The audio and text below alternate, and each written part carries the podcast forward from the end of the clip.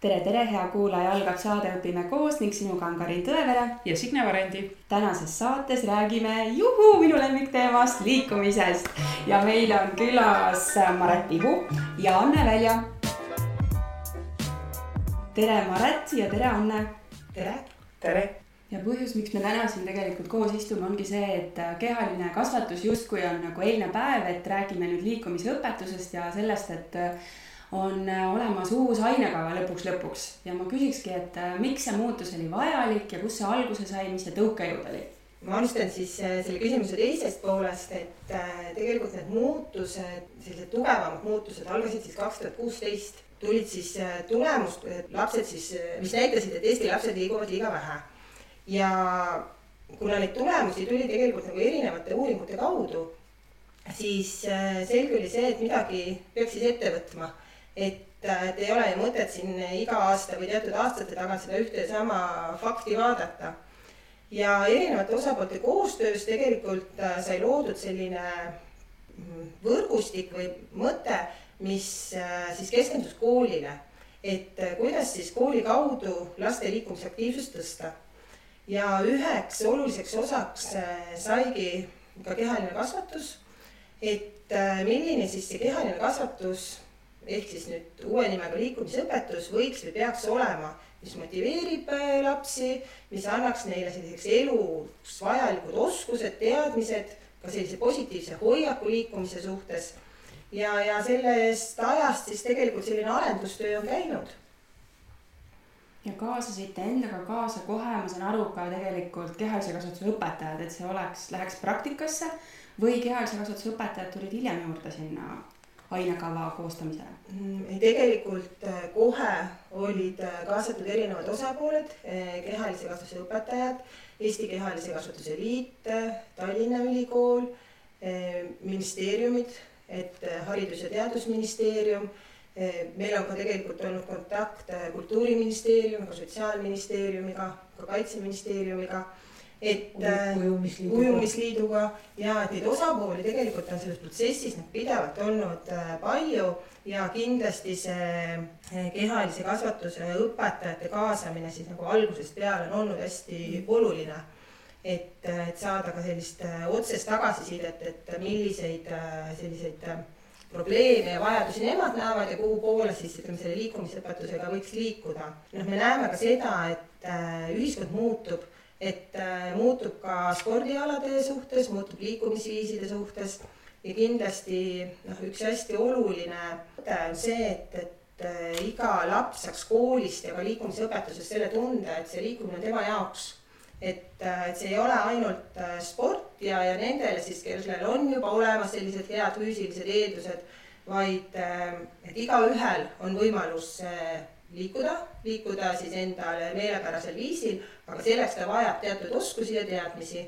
ja see oli ka üks selline alus sellise ainekava arendustööl, et äh, mis on siis need oskused ja teadmised, mis tagaksid selle, et äh, laps siis tulevikus, kui ta on täiskasvanu, äh, oskaks ja tahaks liikuda. no sina, Anne, oled selles mõttes õpetanud selle vana ainekava järgi, no ma usun, et sinu karjääri jooksul on neid ainekavasid erinevaid olnud, ka õppekava on vahepeal muutunud. nüüd on uus liikumise ainekava valmis, et mis on need kõige suuremad jess-märgid sinu kui õpetaja jaoks, et vot see on see, mida sa nüüd ootasid ja see on lõpuks seal sees. Et tegelikult on äh, võimalik ametliku ainekava raames teha endale sobilikud tegevused selles piirkonnas, selles linnas, selles äh, väikses külakoolis et nii nagu sinu võimalused on, alates sellest, et kas me suusatame või me sõidame hobusega, millised on meie tingimused. ja, ja siis ei pea nagu laveerima, et me tegeleme sellega, aga kuidas me seda siis nagu ainekavas näitame pärast. ja, ja just oluline on see, et laps saab võimalikult laia põhja ja käia, nagu Maret just ütles, selle ühiskonnas äh, uute võimalustega kaasa. näiteks tõukeratas mida mitte üheski ainekavas pole olnud kunagi, aga praegu on ta täiesti konkreetne. vahendil edasiliikumisoskus ja ma teen tundi ja lastel oli väga hea meel aga millised siis need äh, vahendid olid, mis vanasti nii-öelda olid nagu kohustuslikud kõigile, et kõik peavad need läbi tegema, kas teil on need vahendid või ei ole, ise peate need siis muretsema? no aegade jooksul, eks meile kõigile on tuttav see suusatam-, suusatamise teema. viimases praegu kehtivas ainekavas on suusatamist vaja läbida kaks kilomeetrit, tegelikult tahaks ju rääkida oskusest, et laps oskaks suusatada. see, kas ta suusatab kakssada meetrit või kakskümmend kilomeetrit, see selgub siis tema elu jooksul. aga kõige hullem oleks ju see, kui me tekitame lapsele selle pinge ja stressi tõrke suuskade ees. Ehk las ta naudib seda nii vähe või nii palju, kui tema tahab. Et oluline on see liikumisrõõm, aga nüüd, äh, kui me tuleme selle õpetaja juurde, võtame kasvõi sellesama suusatamise, et tõesti need oskused on nii erinevad. et äh, kuidas see õpetaja jõuab nüüd seda tehnikat lihvima selle juurde, kes seal kohapeal tal lähedal on, võib-olla õpibki seda tasakaalu ja teine kutt juba paneb seal mäest alla ja tahaks mingisugust järgmist asja, et kuidas see õpetaja jõuab nende kõigini noh, võib-olla suusatamist äh, on praegu nagu raskem öelda, et tõesti ühed, kes on äh, kõvemad sõitjad, need lähevad kuskile kaugemale ära. tegelikult ega neid võibki usaldada. kui äh, eelmises koolis, Kambja põhikoolis ma olin õpetaja, meil oli looduslikku mäge, meil oli kurve, ohtlikke laskumisi. aga tegelikult see, keda sa usaldasid ja sa teadsid, sa olid ära näinud tasandikul, kuidas ta sõidab, siis tema läkski sinna ja sa saidki tegeleda lõpuks võib-olla kahe-kolme lapsega, kellel oli probleeme võib-olla teine näide on uisuväljakult, et äh, uisuväljakul, kui mina õpetajana olen uiskudel, siis ma ju näen, kes vajab rohkem mingit järeleaitamist, äh, tema juurde ma lähen. samal ajal ma ei tohi unustada seda, kes juba päris hästi uisutab, et temale ka mingeid uusi oskusi näidata. et tegelikult selleks on ju oma metoodikad ja ühe grupi juures ja teise grupi juures ja kolmanda juures ja, ja kõigil peaks olema tore ju mm, -hmm. kui nad sealt uisuväljakult ära lähevad. nüüd on ainekavas siis selline paindlikkus, et iga kool äh, valib äh, vahendi, mhm. millega liikumist siis õpetatakse. et üheks võib olla suusatamine, aga tegelikult on võimalik siis lisada ka teisi liikumisviise. ja täna tuli just äh, uudis, et kaks tuhat kakskümmend neli Pariisis toimuvatel olümpiamängudel näiteks on võetud kaua break-tants aga kaks tuhat kakskümmend Tokyos toimuvatel olümpiamängudel on näiteks vahendi liikumisest siis rulasõit, surf, et me näeme ka tegelikult, kuidas noh, isegi nagu olümpiamängudel puut-, püütakse tuua sisse uusi spordialasid, et see maailm on äh, muutumises ja üks selline ainekava nagu aluspõhimõtteid ongi, et ta tegelikult peaks käima kaasas siis ühiskonnaga. ja, ja teine on ka seos sellise kultuuriga, et tegelikult see liikumiskultuur läbi selle muutub, et äh, kui muutub ühiskond, muutub ka liikumiskultuur. ma ei tea, päris raske ma arvan, sellist äh, debatti teha, et milline on meie rahvusspordiala praegu. Äh, kõik see, mis toimub meie ümber, et see mõjutab seda, et kindlasti need traditsioonilised väga pikkade traditsioonidega spordialad, need ei kao, aga me näeme, et ka neid tegelikult ju kohandatakse, et on sisse tulnud kolm korda kolm korvpall et see elu on nagu muutumises. Freestyle suusatamine jah. kas koolid on valmis neid äh, valikuid tegema või nad lähevad, et no meil on need korvpallid olemas, need me nüüd kasutame veel kakskümmend aastat, et me ei hakka muid vahendeid äh, üldse soetama, sest raha ei ole kui me nüüd vaatame nii põhikooli kui gümnaasiumi selliseid lõpueesmärke, siis äh, seal on välja toodud, et õpilane omandab mitmekülgsed liikumisoskused ja sellepärast ongi hästi oluline oma koolis läbi mõelda ja töötada see ainekava, et mis on nagu selle mõiste taga üks äh, suur rühm ongi just selline vahendi käsitsemisoskused. Äh, kuigi palju muidugi dikteerib see, mis mul inventariruumis vastu vaatab ja, ja kus ma nende asjadega mängida saan et äh, meil on tõesti sulgpallireketeid on palju, neid saab kasutada, aga teiseks äh, heaks näiteks on ju pesapall, mis on tegelikult äh, maailmas väga populaarne. aga kui ma oma kolleegiga kahe pesaga oli kurika pärast, noh, et kumb nüüd saab, kolmas ja neljas õpetaja jäävad juba ilma, eks ole. et see jääb nagu natukese jah, vahepeal selle kooli inventari taha. aga, aga samas ega meie käest õpetajate käest ju küsitakse ka, et nüüd on see aeg, andke teada, milliseid vahendeid teil vaja on. ja see on minu enda viga, kui ma ei reageeri siis. aga mul sellega praegu tuli nüüd meelde või selline mõte, et äh, sa Anne ütlesid, et sa pead vaatama sinna inventariruumi, mis mul seal on, eks ju kas nii ei ole võimalik, et äh, üks kool on muretsenud ühed reketid, teised teised, kolmandad midagi muud ja siis toimub mingi aja pärast mingi vahetus, et oleks see nagu mõeldav. et see inventari rohkus jõuaks nagu rohkematele, sest tegelikult selle ainekava asja nii-öelda põhieesmärk on see ju, et lasteni jõuaks võimalikult paljud erinevad asjad ka, et üks asi on tehnika, aga teine asi see, et need, ta puutuks nende asjadega ka kokku. Seda mõtet tegelikult me oleme ise arutanud, rotatsiooni tekitada. Aga sellest rotatsioonist äh, konkreetne näide tegelikult üksi on olemas, et ma tean, et Tartu Ülikoolil on olemas äh, kehaliste võimete mõõtmiseks teatud vahendid, mis maksavad päris palju raha ja on ju võimalik laenata nende käest ja Veeriku kool näiteks laenas Tartu Ülikoolist viimaseks maikuuks. ja kõiki neid asju on võimalik kasutada, ma arvan, et see oleks mõeldav koostöö. ja tegelikult on ka ju ilusaid näiteid, et äh, kas mitte hiljuti ei olnud äh, uudist sellest, et Pärnumaa lapsed käisid äh, skatepargis neid tõuksidega trikitamas ja nii edasi et kas selliseid näiteid on neid nagu rohkem meediasse võib-olla kõik ei jõua või, või annaks siin nagu neid huvikoole ja muid asutusi nagu kaasata? see oli tõesti väga positiivne näide, et tegelikult kuidas saab kasutada ka ära kompetentsi väljaspoolt või mõni, mõningal juhul ka tegelikult õpilaste enda kompetentsi juba. et me teame ju küll, et just kasvõi nendest samadest tõukeratastes või ruladest need õpilased võivadki olla osavamad. kuidas siis ka seda õpilase kompetentsi ära kasutada ja neid näiteid tegelikult on, et näiteks Kuressaare on toonud sisse purjetamise, et nemad enne siis tagavad selle, et kõik õpilased omandaksid ujumisoskuse ja siis on neil purjetamisõpe ja mis neil on, neil on ju golfiõpe. et äh, tegelikult neid võimalusi nagu püütakse sisse tuua ja, ja just äh, laiendada aga mina tahan sellise praktilise näite jälle tuua, et kui me korra siin mainisime rula ja tõukeratas, siis äh, kuulajal võib tekkida küsimus, et aga ma olen olnud õpetaja, ega mina ei oska rulaga sõita, ega mina ei oska tõukerattaga sõita. mina ka ei oska, aga ma ju näen koolis, kooli ees, kes oskavad ja, ja kui mina teen eeltööd, see on nüüd praktiline näide, kuidas mina tegin oma kolmanda klassiga, et äh, vaatasin, nendel on päris paljude tõukeratta tulemus, küsisin, kas äh, saate endale tõukerattad, kõik kakskümmend kolm last olid tõukeratastega, üks oli vabastatud.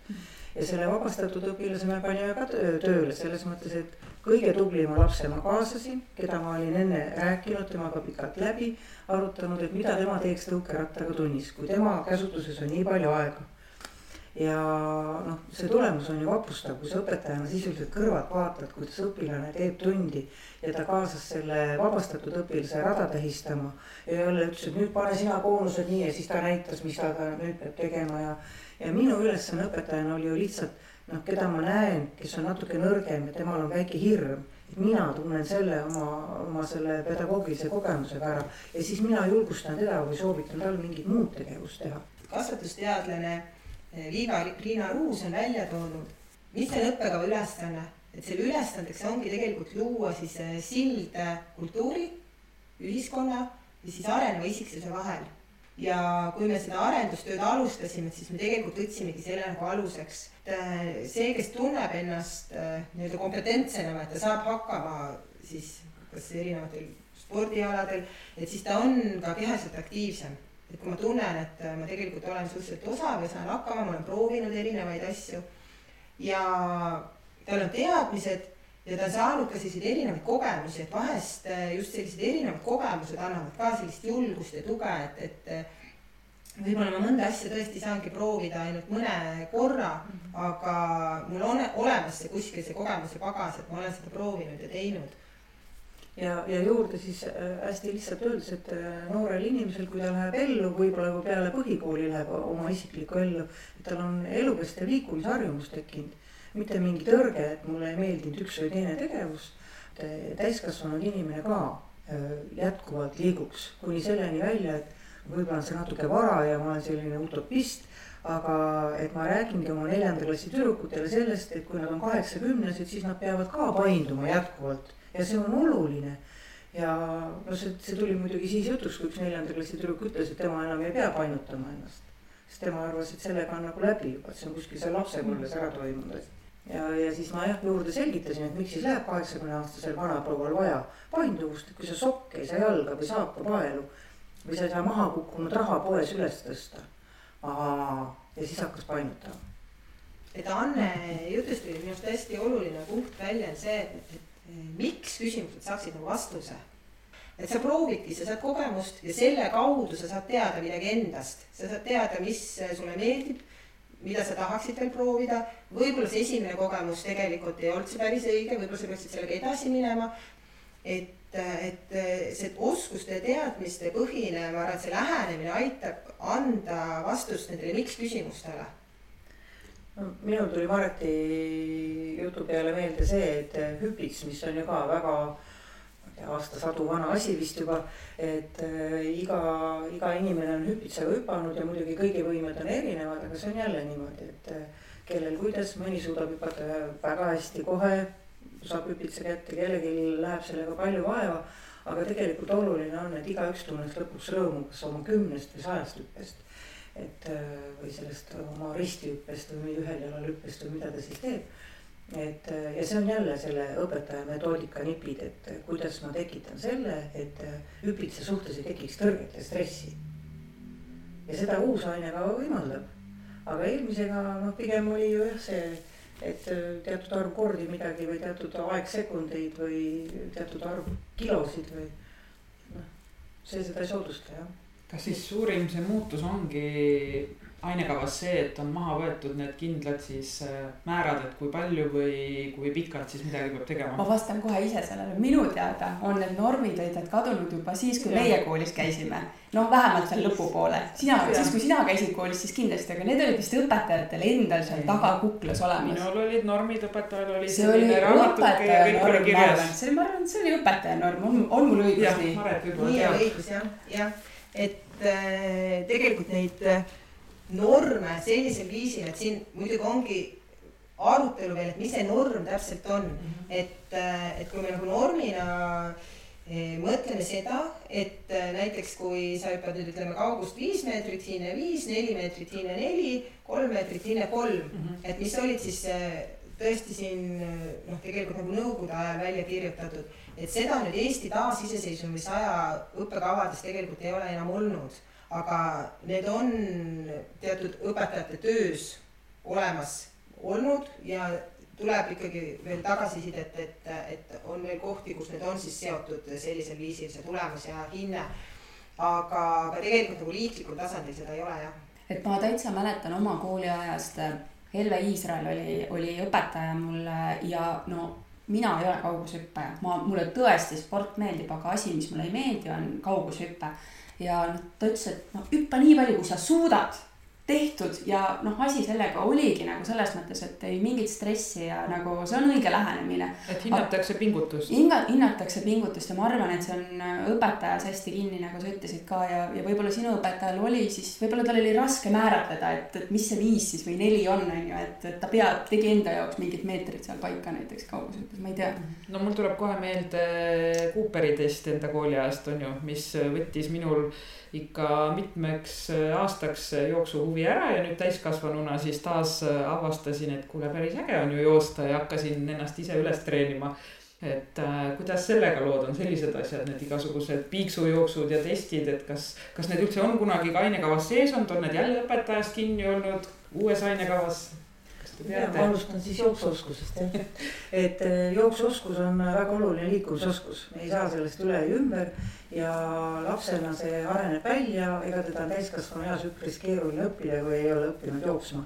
ja tegelikult äh, on ikkagi näha, et äh, keegi oskab joosta ja keegi ei oska joosta.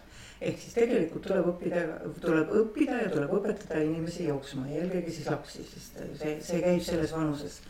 aga tihtipeale on kellelgi tõrge lühimaa jooksu ees, kolmkümmend, kuuskümmend, sada meetrit, kellelgi on tõrge pikamaa ees, on see siis mhm. Cooper, on siis kolm kilomeetrit, on see, ma ei tea, kümme pargiringi või mida iganes erinevates kohtades erinev.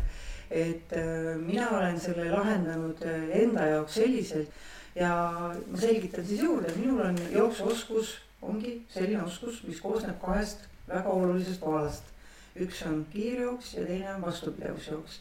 ja ma räägin mõlema puhul ära, miks on oluline lühimaa jooks. noh, kuni selleni välja, et buss tuleb, mul on vaja joosta, kas ma jõuan või ei jõua. vot see on kiirjooks. ja seal ma ei olegi aega võtnud, ma lihtsalt lasen neil seda reaktsiooni, et kuidas nad saavad koha pealt minema ja et suudavad joosta nagu lõpuni mingi lühikese maa aga pikama jooksul on tegelikult elus on meil rohkem vaja seda vastupidavust, ükskõik, on see trepist üles minek või matkale minek või meil on vaja kedagi tassida kuskilt kuskile. et äh, jah, ja jälle kuni selleni välja, et ma jõuan jälle näidetega sinna vanainimeseni, et kui sa ei jõua minna enam poodi, siis sul puudub vastupidavus.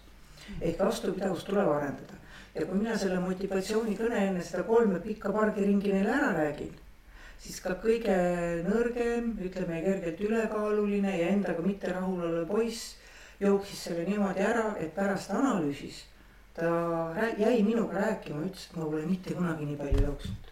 ja kevadel tegime uuesti seda jooksu, sest äh, nagu me teame, talv laastab inimest, tema vastupidavust ja, ja ta jooksis ja ta pingutas väga ja see on ju oluline kas ma saan siis õigesti aru, et seal ainekavas on lahti kirjutatud jooksuoskus aga kuidas siis õpetaja seda edasi annab, et see on juba tema enda otsustada, et ei ole, ta ei pea mingeid teste ja asju tegema, et võib nii nagu sinagi, sa ütlesid, et sa ei võta aegagi, on ju seal kiirjooksu puhul. kiirjooksul ei võta, aga pikamaal ma olen võtnud, mina panen talle numbri sinna kirja küll mm. -hmm. siis ta saab seda kas oma vanema venna või noorema õega või kasvõi koeraga tulla ja joosta. ehk tegelikult ega iseenda ajaga võistelda, lõpuks me peame kõik õppima ka iseenda aega võtma, et me ju teame, et eh, kui inimesed lähevad jooksma, siis nad, eh, neil on pulsikellad, nad on, mõõdavad, kui palju nad jooksevad. inimene peab sellega kohanema ise nüüd me räägime siin sellest liikumise ainekavast ja me oleme järjest jõudnud selleni, et, et kuidagi toimub see reflektsioon, et õpilased ise nagu panevad kirja oma siis tulemused, et kuidas see siis toimub. et on neil siis mingi tervisepäevik, liikumispäevik, mida nad siis ise täidavad või täidab seda õpetaja, on see kuskil virtuaalses keskkonnas, on see reaalne vihik, rääkige sellest ka. Neid võimalusi on tegelikult erinevaid, et äh, õpitulemustes on tõesti sees, on siis ühe õpitulemusena, et näiteks äh, õpilane analüüsib enda liikumisoskuseid. üks väga hea näide on äh, näiteks praegu ujumisoskusest, kuna ujumise õpitulemus on juba kehtivas ainekavas siis ära muudetud põhikooli, tähendab siis esimese kooliastme lõpuks ehk siis kolmanda klassi lõpuks ujumisoskuse, sooritades ära siis seal toodud äh, kompleksharjutuse. aga selle juures on siis üks oluline osa, ongi see eneseanalüüsi osa ja näiteks õpilasel seda konkreetset eneseanalüüsi, et kuidas tema nüüd ise näeb, et kui, kuidas need oskused on siis omandanud, et näiteks selle veega kohanemise, sukeldumise, hõljumise, edasiliikumise, et äh, see on tegelikult sellises digitaalses keskkonnas ette antud punktid, kus ta paneb, et kas mul on see oskus, mul ei ole seda oskust ja ta saab siis selle analüüsi saata õpetajale. et neid võimalusi on erinevaid, et Anne, ma tean, on siin eh, sellist analüüsi toonud eh, mitmet moodi enda tundi sisse gümnaasiumi omadest, et nemad tõesti kirjutavad, sest neil on see sõnavara olemas. et eh, väikeste laste puhul ju seda ei ole ja, ja mina olen teine, kolmas, neljas klass kasutanud seda moodust ette veel võib-olla see lause, et äh, kui on klassis kakskümmend neli last, et kuidas siis on võimalik analüüsida, kui tunde on ainult nii palju ja siis veel vahetatakse riideid ja ei saa analüüsida. tegelikult saab ja väga lihtsalt teeme selle, noh nagu ma enne rääkisin, jooksu näite, me teeme jooksmise ära ja siis me võtame aja maha, me istume kokku ja mina esitan küsimusi. jälle metoodiliselt üles äh, läbimõeldud küsimusi, kes pingutas, osad tõstavad kätt, mõni ei tõsta kätt, aga see ongi tema vastus see ongi tema analüüs, kes tundis, et ta jooksis täna väga hästi, kes väsis juba esimese ringi järel ära, kes lõikas, aus mäng, eks ole, tuleb sisse, et äh, igaüks ise analüüsib käe tõstmisega. Ja mina saangi lõpuks äh, selle panna sinna äh, jooksu nagu kokkuvõtvasse arvestusse selgituseks, et pingutas äh, või, või kuidas tema siis ütles Mm -hmm. et see on siis selline suuline tagasiside. aga ütleme sellised põhikooli lapsed, ma ei tea, kuues, seitsmes, kaheksas klass näiteks, milleks nemad võimelised oleks või, või mida võiks näha, et? teine kooliaste on kindlasti võimelised äh, sellise suunatud küsimuste kaudu selliseid eneseanalüüsi tegema ja tegelikult selliste lihtsate, lihtsate eneseanalüüsidega saavad hakkama esimene kooliaste ja juba ka koolieelses eas lapsed, lasteaialapsed mm. -hmm et see oleneb nüüd sellest, et kuidas, kuidas me ise suuname neid. ja liikumispäevik käib ka, see oli ka piloodi ajal. sealt selgus, et tüdrukutele meeldib liikumispäevikut rohkem pidada näiteks kui poistele. no see on üsna, üsna loomulik, ma kujutan ette, eks ju. aga siin mul tuleb kohe meelde finessilaagrid, Signe, sina oled finessilaagrites ka, et tüdrukutel on alati see laagripäevik ja mm, -hmm. ja siis see kaunistamine ja kõik nad on nii uhked, et sina oskad selle kohta võib-olla rääkida, et noh, seal äh, oli tegelikult tegemist sellise täitsa tavalise päevikuga, et äh, iga laps äh, ise kirjutas oma laagri kogemused üles, et jääks selline tore mälestus ja, ja kes siis tahtis, see tõi ka siis oma sellist kehalist arengut sinna. aga et nagu päris liikumispäevik, et see on minu jaoks selline uus teema, et kas sellest võiks ka natuke lähemalt rääkida, et mida seal oodatakse, kas see on kõigile kohustuslik, on see vabatahtlik? Selles mõttes on selline toetav õppematerjal, et nagu ütleme, teistes õppeainetes on ka ju, et õpetajal on võimalik valida, millist õppematerjali ta kasutab siis teatud teema kajastamiseks ja kas ta võib-olla loob ise hoopis selle õppematerjali mm. -hmm ja see keskendub tegelikult peamiselt selliste kehaliste võimete arendamisele ja mis oli selle eesmärk, üldse selle loomise eesmärk oli see, et see kehaliste võimete teema eh, tihtilugu ta jääb nagu sinnamaani, et õpilased sooritavad mingid testid, et saada siis eh, ütleme teada, et vot, et mul on jõunäitajad on sellised ja vastupidavus on selline. tegelikult eh, ka kui me vaatame rahvusvaheliselt, üks selline võtmesõna või märksõna ongi see, et kuidas nagu tuua selliseid nippe sinna tundi, mis tegelikult tõstaks nagu õpilase teadlikkust. minu painduvus on selline, ma saan seda painduvust niimoodi mõõta ja millised on siis need painduvusharjutused, kuidas ma saan oma painduvust siis arendada. noh, selleks on, ütleme, mitmeid võimalusi, et eks siin taanlased tutvustasid hästi palju just sellist näiteks rääkimata seinte kasutamist võimlates. tõesti, et paneme plakatid, näitame, kirjutame ja õpilased ju õpivad tegelikult erinevalt nüüd nagu aga üha rohkem hakatakse nagu tähelepanu pöörama just sellele, et kuidas nagu siduda seda ikkagi seda teadmiste omandamist ja seda praktikat. et see ei tähenda seda, et see praktika sealt kaoks, et võib-olla tekib selline hirm, et, et justkui nagu see praktiline pool kaob. et, et vaid pigem just see, et kuidas me natuke saame rohkem seda teadlikkust tuua. et ta võib ju tegelikult selle Cooperi testi niimoodi ära joosta, et ta ei tea üldse, mida temal mõõdeti, et miks ta seda jooksis mm. -hmm aga Anne, ma tulen selle juurde tagasi, et äh, Veerikul olid need paaristunnid, kas see paaristund on muutnud midagi paremaks, on see või on see halb variant? ikkagi tahetakse katsetada ka neid variante, et teha üks pikem tund ja siis on üks lühem tund. Ja selle pikema tunni, et kui äh, õpetaja, kehalise õpetaja küsiks siis, et aga mis ma seal nii kaua teen, nad väsivad ära, siis tegelikult vastus ongi see, et sa alguses motiveerid siis toimub see tegevus ja siis on see analüüs. Ja tegelikult võib-olla see seitsekümmend viis minutit on täpselt näiteks paras aeg selleks, et ma jõuaks sisse juhatada tõsiselt tegeleda, venitada, lõdvestada ja siis äh, analüüsida ka. ja jõuab sinna võib-olla riideruumis pesema ka, mis ma saan aru, on ikkagi jätkuvalt kogu aeg ka teema on ju. Mhm. et selleks ju ei ole aega, et kust õpetaja, kas ta näpistab tunnist, vahetunnist, söögivahetund peale. kas see on ka midagi, mis on uues ainekavas kuidagi või see ei puuduta? see on puhas liikumise ja kult-, see on kultuuri osa, et mhm. inimene peseb ennast. et see on ainekavas äh, sees ja on ette nähtud ikka ja. noh, hügieeniharjumuste kujundamine, see on aine ainekavas sees ja, ja ma ütlesin, et ainekavas on viis valdkonda, et äkki ma ütlen need ära ka, et üks on siis liikumisoskused, üks on kehaline aktiivsus, üks on tervis ja kehalised võimed, eh, siis on eh, liikumine ja kultuur ja vaimne ja kehaline tasakaal ja tegelikult me ju teame, et eh, kõik see, mis on nagu eraldi õppeainete ainekavades, on ju seotud ka hästi palju selle selliste üldiste eluoskustega, üldpädevustega mm. -hmm. et, et kuidas need siis toetavad nagu üksteist ja, ja see liikumine ja kultuur on, on minu arust nagu hästi tore valdkond, sest et see võimaldab näha seda liikumismaailma hästi mitmekesisena.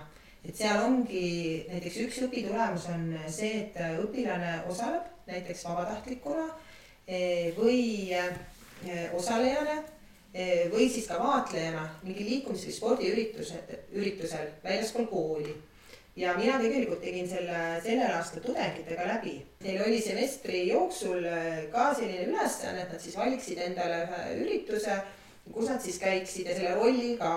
ja väga huvitav oli näha neid tagasisidesid, et kes otsiski endale spordivõistluse, kus ta oli kohtunik elus esimest korda äh, kes käis balletti vaatamas esimest korda, sai sellise ülipositiivse elamuse Eh, kes käis korvpalli või siis käsipallivõistlust esimest korda vaatamas, et ta ütles, et kunagi varem ma ei ole käinud, et, et ainult sellepärast nüüd läksin, et need inimestel ju need suhted liikumisega on erinevad. Et see liikumine, kultuur selles mõttes aitab, kui nüüd seda nagu tõesti niimoodi koolides lahti mõtestada ka õpetajate poolt, et mis on see, et kuidas meie saame nagu seda sidet rohkem sisse tuua, et ühed on kindlasti need traditsioonilised tegevused, et ütleme, selline rahvatants ja aga teistpidi neid võimalusi on veel, et ma ise mõtlesin, et siin oli üleval ju Eesti Spordi Olümpiamuuseumis oli näiteks Jaanus Ree fotonäitus et ta pildistab äh, peamiselt siis spordis, ta pildistab äh, ekstreemsportlasi.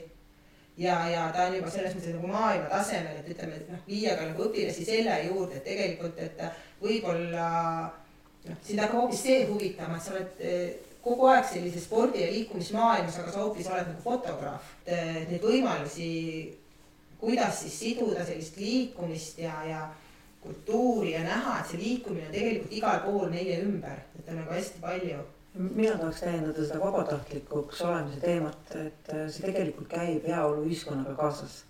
ja Eesti on juba heaoluühiskond, arenenud riik, aga õige on see, et koolis seda vabatahtlikkust hakata kasvatama sisse. ja praegu mulle tundub, et see on ainukene aine see liikumisõpetus, kus see pannakse ühe noh, nii-öelda kohustusliku punktina sisse ja võib-olla keegi teeb ka selle vastu tahtmist, käib seal käsipallivõistlusel ära. et äh, me iial ei tea, mis millegi käima lükkab, aga lapsepõlves peab saama nagu nuusutada. erinevad kogemused saanud. jah, jah aga me räägime hästi palju sellest, et äh, Eesti kool läheb sinna üldõpetuse juurde. Et äh, kus on need kehalise kasvatuse lõimingud, et sa tõid siin välja selle, et kultuur käib sinna juurde, aga liikumisega paratamatult käivad ka igasugused vigastused kaasa. Tahame või mitte, et me peame oskama ka ennast nii-öelda aidata siis, kui midagi on juhtunud, et kas ma panen otse külma peale või ma mõtlen, et äh, käib sinna keelile midagi alla, et kust see teadmine tuleb, et kas seda, ma ikka mõtlen, et see tervis käib selle liikumisega nii kaasa ja see inimese õpetus, et kas järgmisena peaks võtma selle inimese ja terviseõpetuse ainekava ja kuidagi seda hakkama tuunima või kuidagi lähendada seda, et kui Anne tõi ka siin välja, et tund muutub pikemaks, et ka seda kuidagi teo teoreetilist baasi sinna juurde, kasvõi seda, et aega, et spordikella funktsioonid üle vaadata ja mis, mis pulsisagedusel näiteks ma töötan, et mul ongi aega seda iga lapse pulssi mõõta.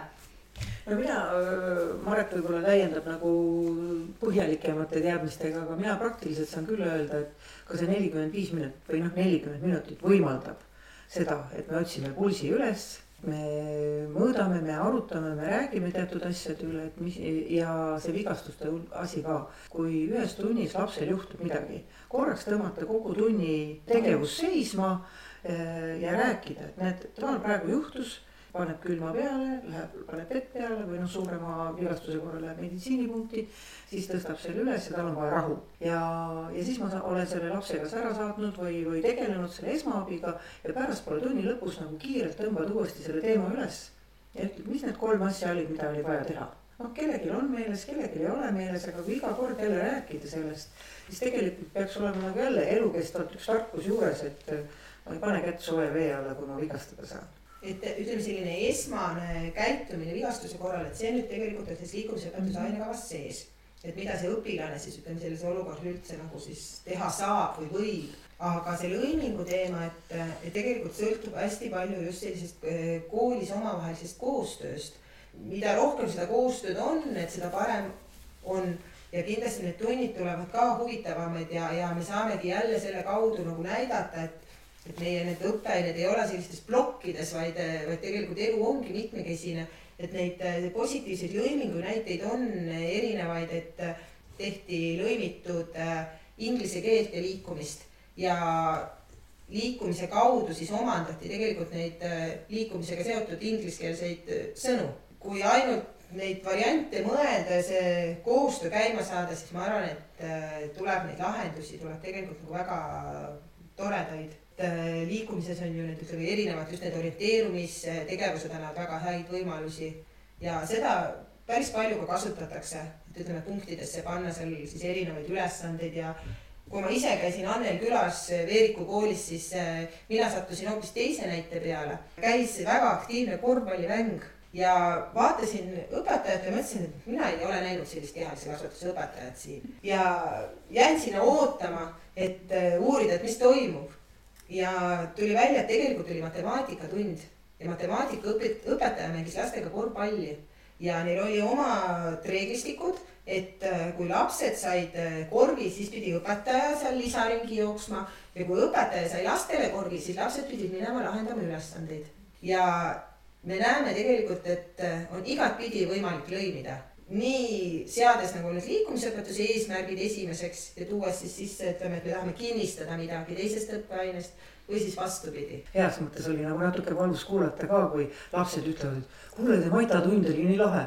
see oli veel parem kui need kehalised tunnid et noh, et tegelikult lapsed naudivad seda lõimingut. absoluutselt, ma olen sellega täiesti nõus, aga, aga kuidas õpetajad ellu jäid, mis see, kust, kust näpita, näpistas matemaatikaõpetaja siis selle aja või no, näpistasid sina kuskilt kellegi arvelt oma vabastajast selle?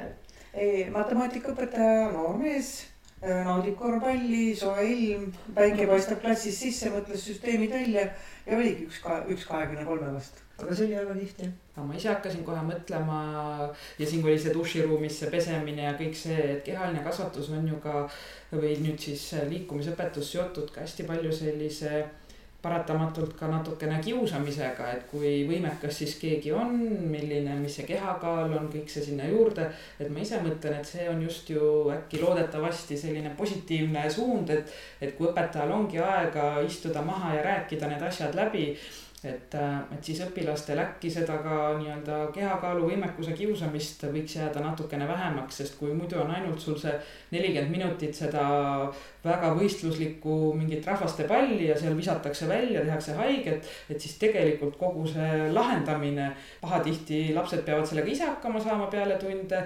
minul õnnestus klassijuhatajana teinekord seal sekkuda, natukene abistada, lahendada neid selliseid probleeme et kas äh, midagi ka seal ainekavas on sellist, mis näeb ette siis ka selliste probleemidega tegelemist, et aega selle jaoks? praktiline elu on muidugi see, et seal, kus riideid vahetatakse, seal tegelikult juhtub ikka igasuguseid asju. ja kui õpetaja kabinet on täpselt riiete vahetamise kõrval, siis ikka tuleb minna ja see uks lahti teha ja, ja seda õigust mõista. keegi ütleb kellelegi, kes on väga tagasihoidlik, öeldakse halvasti, keegi võib-olla, kes ei ole nii kiire, keegi, kes on ülekaaluline, keegi, kes on väikest kasvu, keegi, kes on liiga suurt kasvu kasvu, keegi, kes on aeglane, keegi, kes on liiga kiire. me kõik oleme eripärased. minu eesmärk on alati see, et äh, poisid, te olete mehed ja te peate omavahel saama asjad räägitud.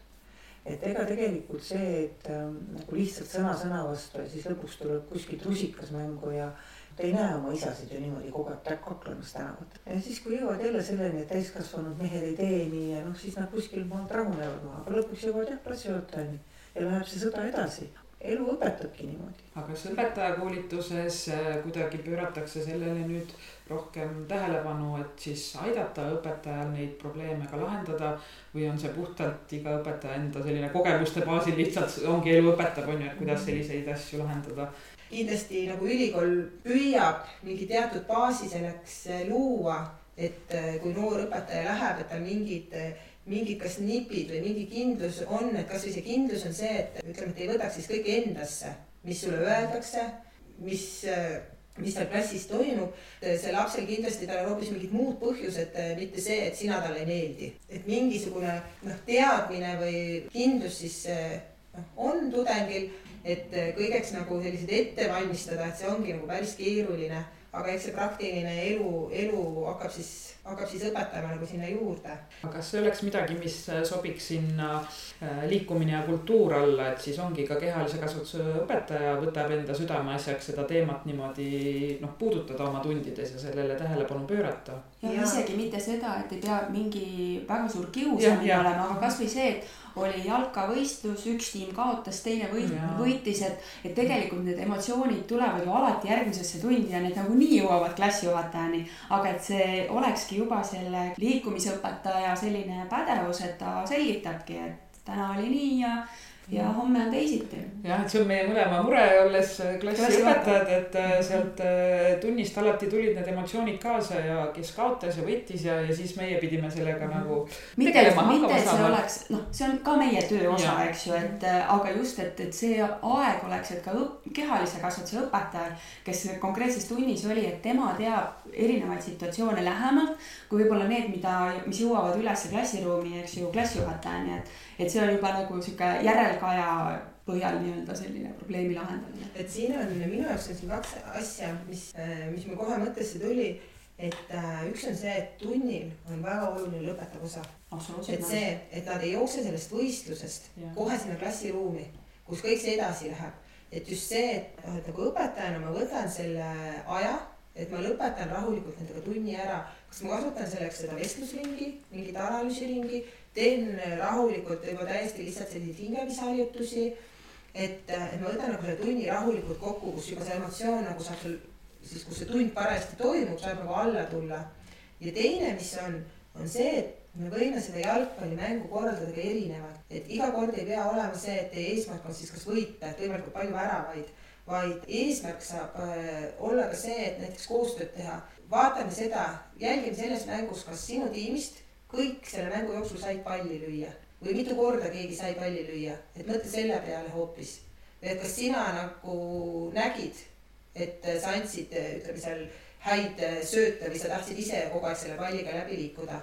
et need eesmärgid, mis selles mängus on, et me saame seal mängus neid lapsi ka mõtlema panna eh, erinevate eesmärkide peale mina tahan täiendada vot nüüd oma põhieriala pealt, et mina olen judo inimene, et judos ei saa olla nii, et tähendab, me teeme koostööd küll, aga tegelikult kui kaks läheb kokku, siis üks võidab ja teine kaotab.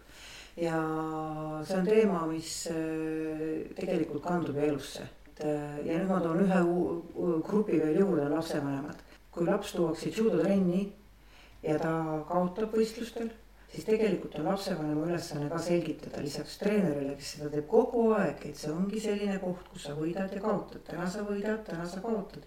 ja kui sa kaotad, siis sa õpid juurde oskusi selleks, et olla parem ja edaspidi võita, mis ei tähenda seda, et sa jäädki ainult võitma, kogu aeg käivad sinuga kaotused kaasas. ja vot lapsevanem peab seda toetama, aga kui lapsevanem võistlustel ründab last sellepärast, et sa kaotasid, sest meie peres ei ole kommet, et keegi kaotab. Vot need on asjad mida äh, noh, need on need lapsevanema ootused.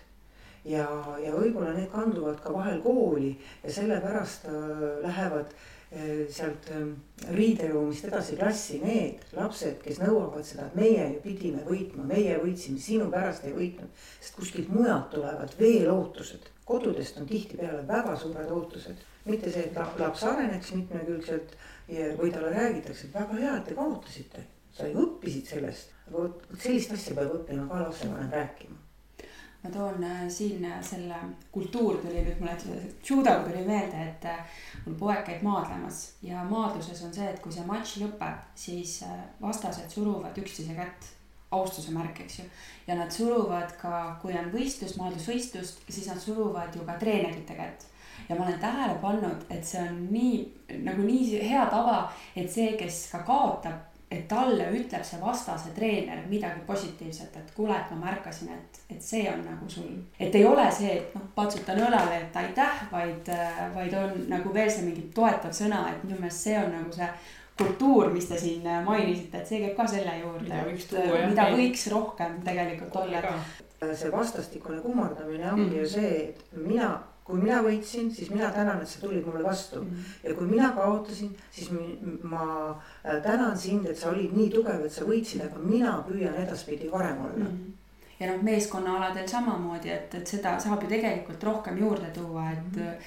noh, ja jalgpalli, kui me vaatame televiisorist, mulle tundub, et need vai-, need kaotajad lontsivad vaikselt minema ja võitjatele lauldakse hümni, aga, aga see koolis võiks ju olla kuidagi neid kaotajaid ka esile tuua, mulle tundub mm, -hmm. et saaks aga räägime sellest lapsevanemate teemast, siis lapsevanematel on ju hirmus oluline, et lapsed teevad väga palju sporti, tegelikult mõned lapsed on ju ülekoormatud lausa spordiga, vanemad elavad kaasa, käivad võistlustel järjest enam. kui palju nad nagu nüüd tagasisidet on andnud selle uue liikumise ainekavale? kui päris ausalt öelda, siis meil nagu eraldi lastevanemate seas sellist uuringut ei ole, et ma saaksin nüüd öelda arvusid. kõik need tagasisidet, mis on, et need on pigem sellised vestlused kellegiga. et, et neid ootusi on tegelikult päris palju ja, ja ikkagi noh, ütleme selliste negatiivse kogemustega ja mitte ainult äh, siis enda kooliajast, vaid ka, kellel käivad lapsed praegu koolis. kas nii on ikkagi õige ja, et minu last nüüd hinnati niimoodi ja, et neid näiteid nagu ikkagi tuleb. võib-olla Annel on, ütleme sellise praktilise igapäevatöö juures rohkem, rohkem näiteid. no.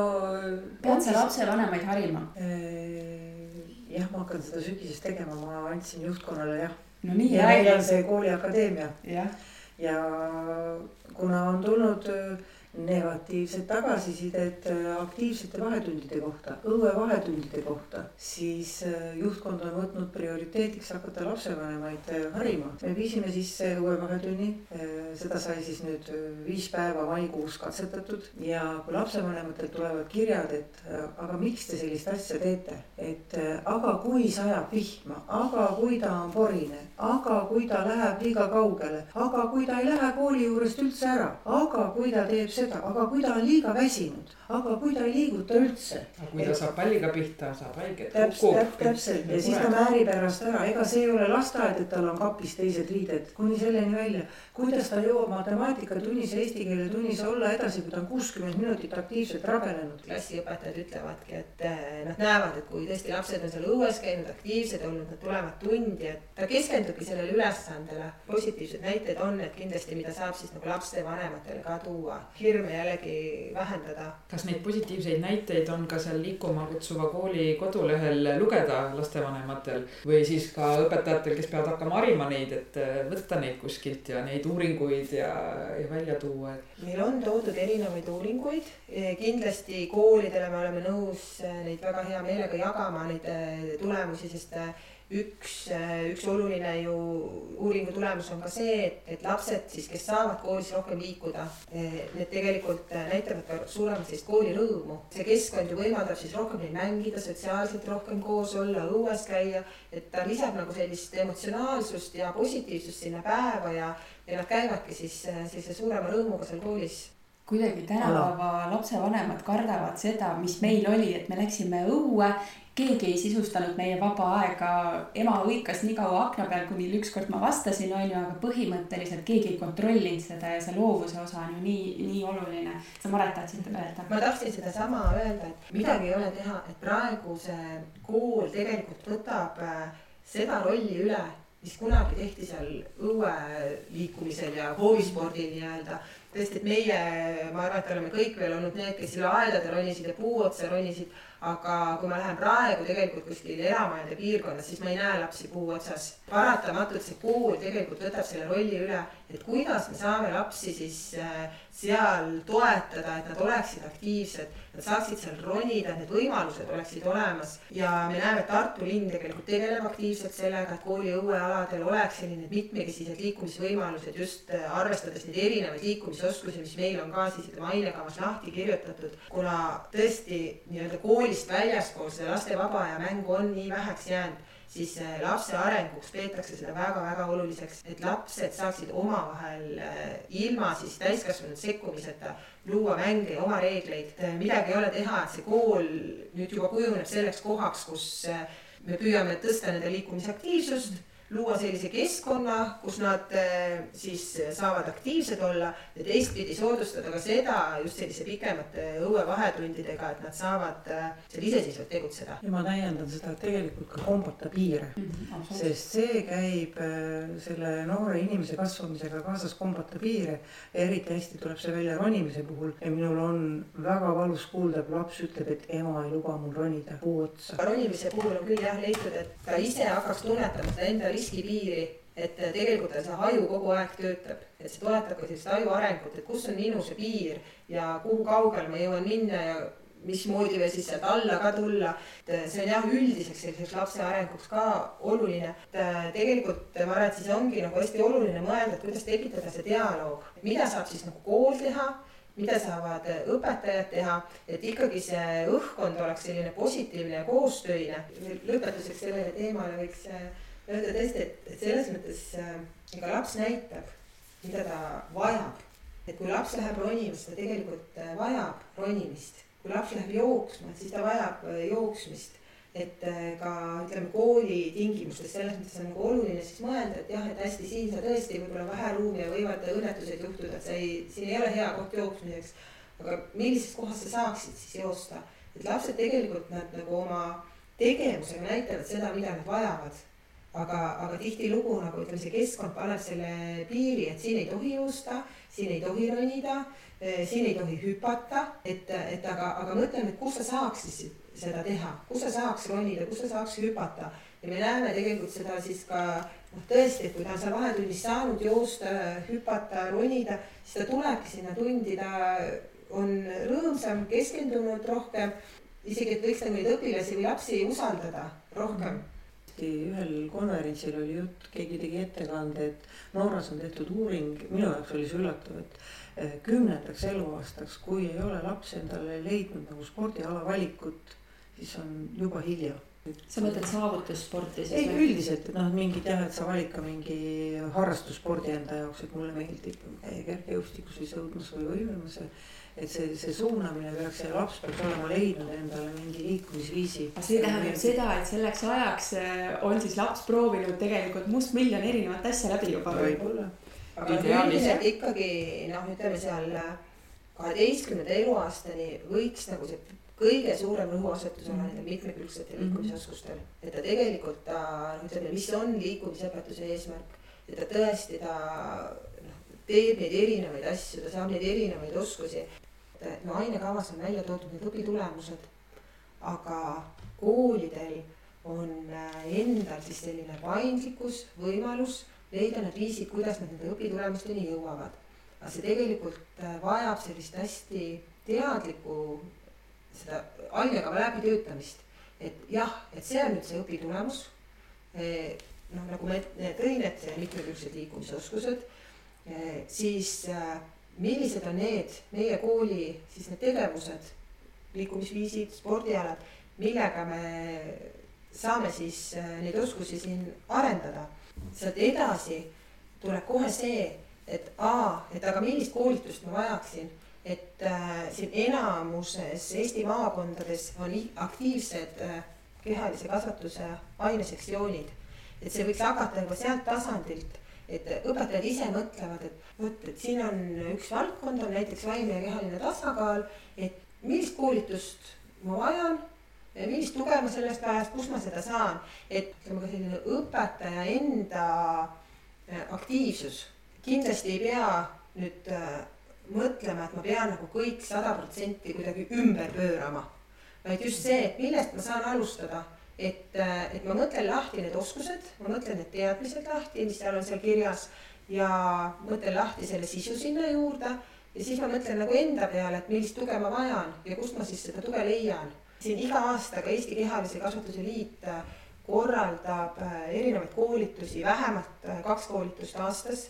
vahepeal on mõned on sellised suuremad koolitused, mõned väiksemad koolitused ja tõesti nüüd juba eelmine aasta jõulumäel toimunud kursusel tegelikult väga palju arvestati seda uut liikumisõpetuse ainekava ja õpetajad, kes seal osalesid, et koolitasid ennast näiteks erinevates tantsustiilides oli seal mm, -hmm. lain eh, tants mm -hmm. oli, mhm. eh, tulid eh, väga hästi tehti just sellist slackline'i metoodikat, kuidas täiesti mm -hmm. nagu nullist alustada väga lihtsate harjutustega, oli laste jooga et tegelikult neid võimalusi on ja, ja et ise natuke nagu mõelda sellele asjale kaasa, et mis on see, mida ma saan teha, mida ma tahaksin teha, kuidas ma ennast ise saan ka toetada selles. ma saan aru, et see uus ainekava pakub tegelikult äh, piiramatuid võimalusi õpetajale, aga nüüd on see kõige olulisem küsimus on, et kuidas need muutused siin õpetaja peas ikkagi toimuksid, et, et ta julgeks võtta selle vastutuse, et ta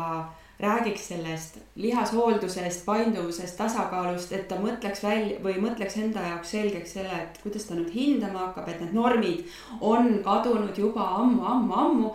et, et kuidas te õpetajateni jõuate, et jah, toredad koolitused, aga see mõtteviis õpetajatel. mina vastan kiirelt sellele nii, et kui me käisime Eesti tuuril maakondades. nii äge, Eesti tuuril käisid ja Eesti tuuril äh, rääkisime no igas maakonnakeskuses oli õpetaja, liikumisõpetajad, mitte ainult, oli ka koolijuhte kutsutud ja, ja klubide inimesi ja huvijuhte, et see grupp oli lai, kes oli kutsutud, aga põhituumik oli ikka liikumisõpetuse õpetajad. et oli kokku kutsutud ja, ja kui pärast jäi mõnega vestlema, siis mina saan nagu aru, et noh, meid kuulas umbes kaheksasada õpetajat või üle selle ja tegelikult on üks märksõna, mis on kõige suurem takistus, on hirm ja õpetajal on hirm ka uue ees ja ta ja ta poeb selle, ta varjab selle hirmu ära, öeldes, et aga ma juba teengi, aga me juba ammu teemegi nii, aga see kõik ongi juba nii. ja siis, kui nagu noh, sa võtad selle aja ja räägid ja arutad ja siis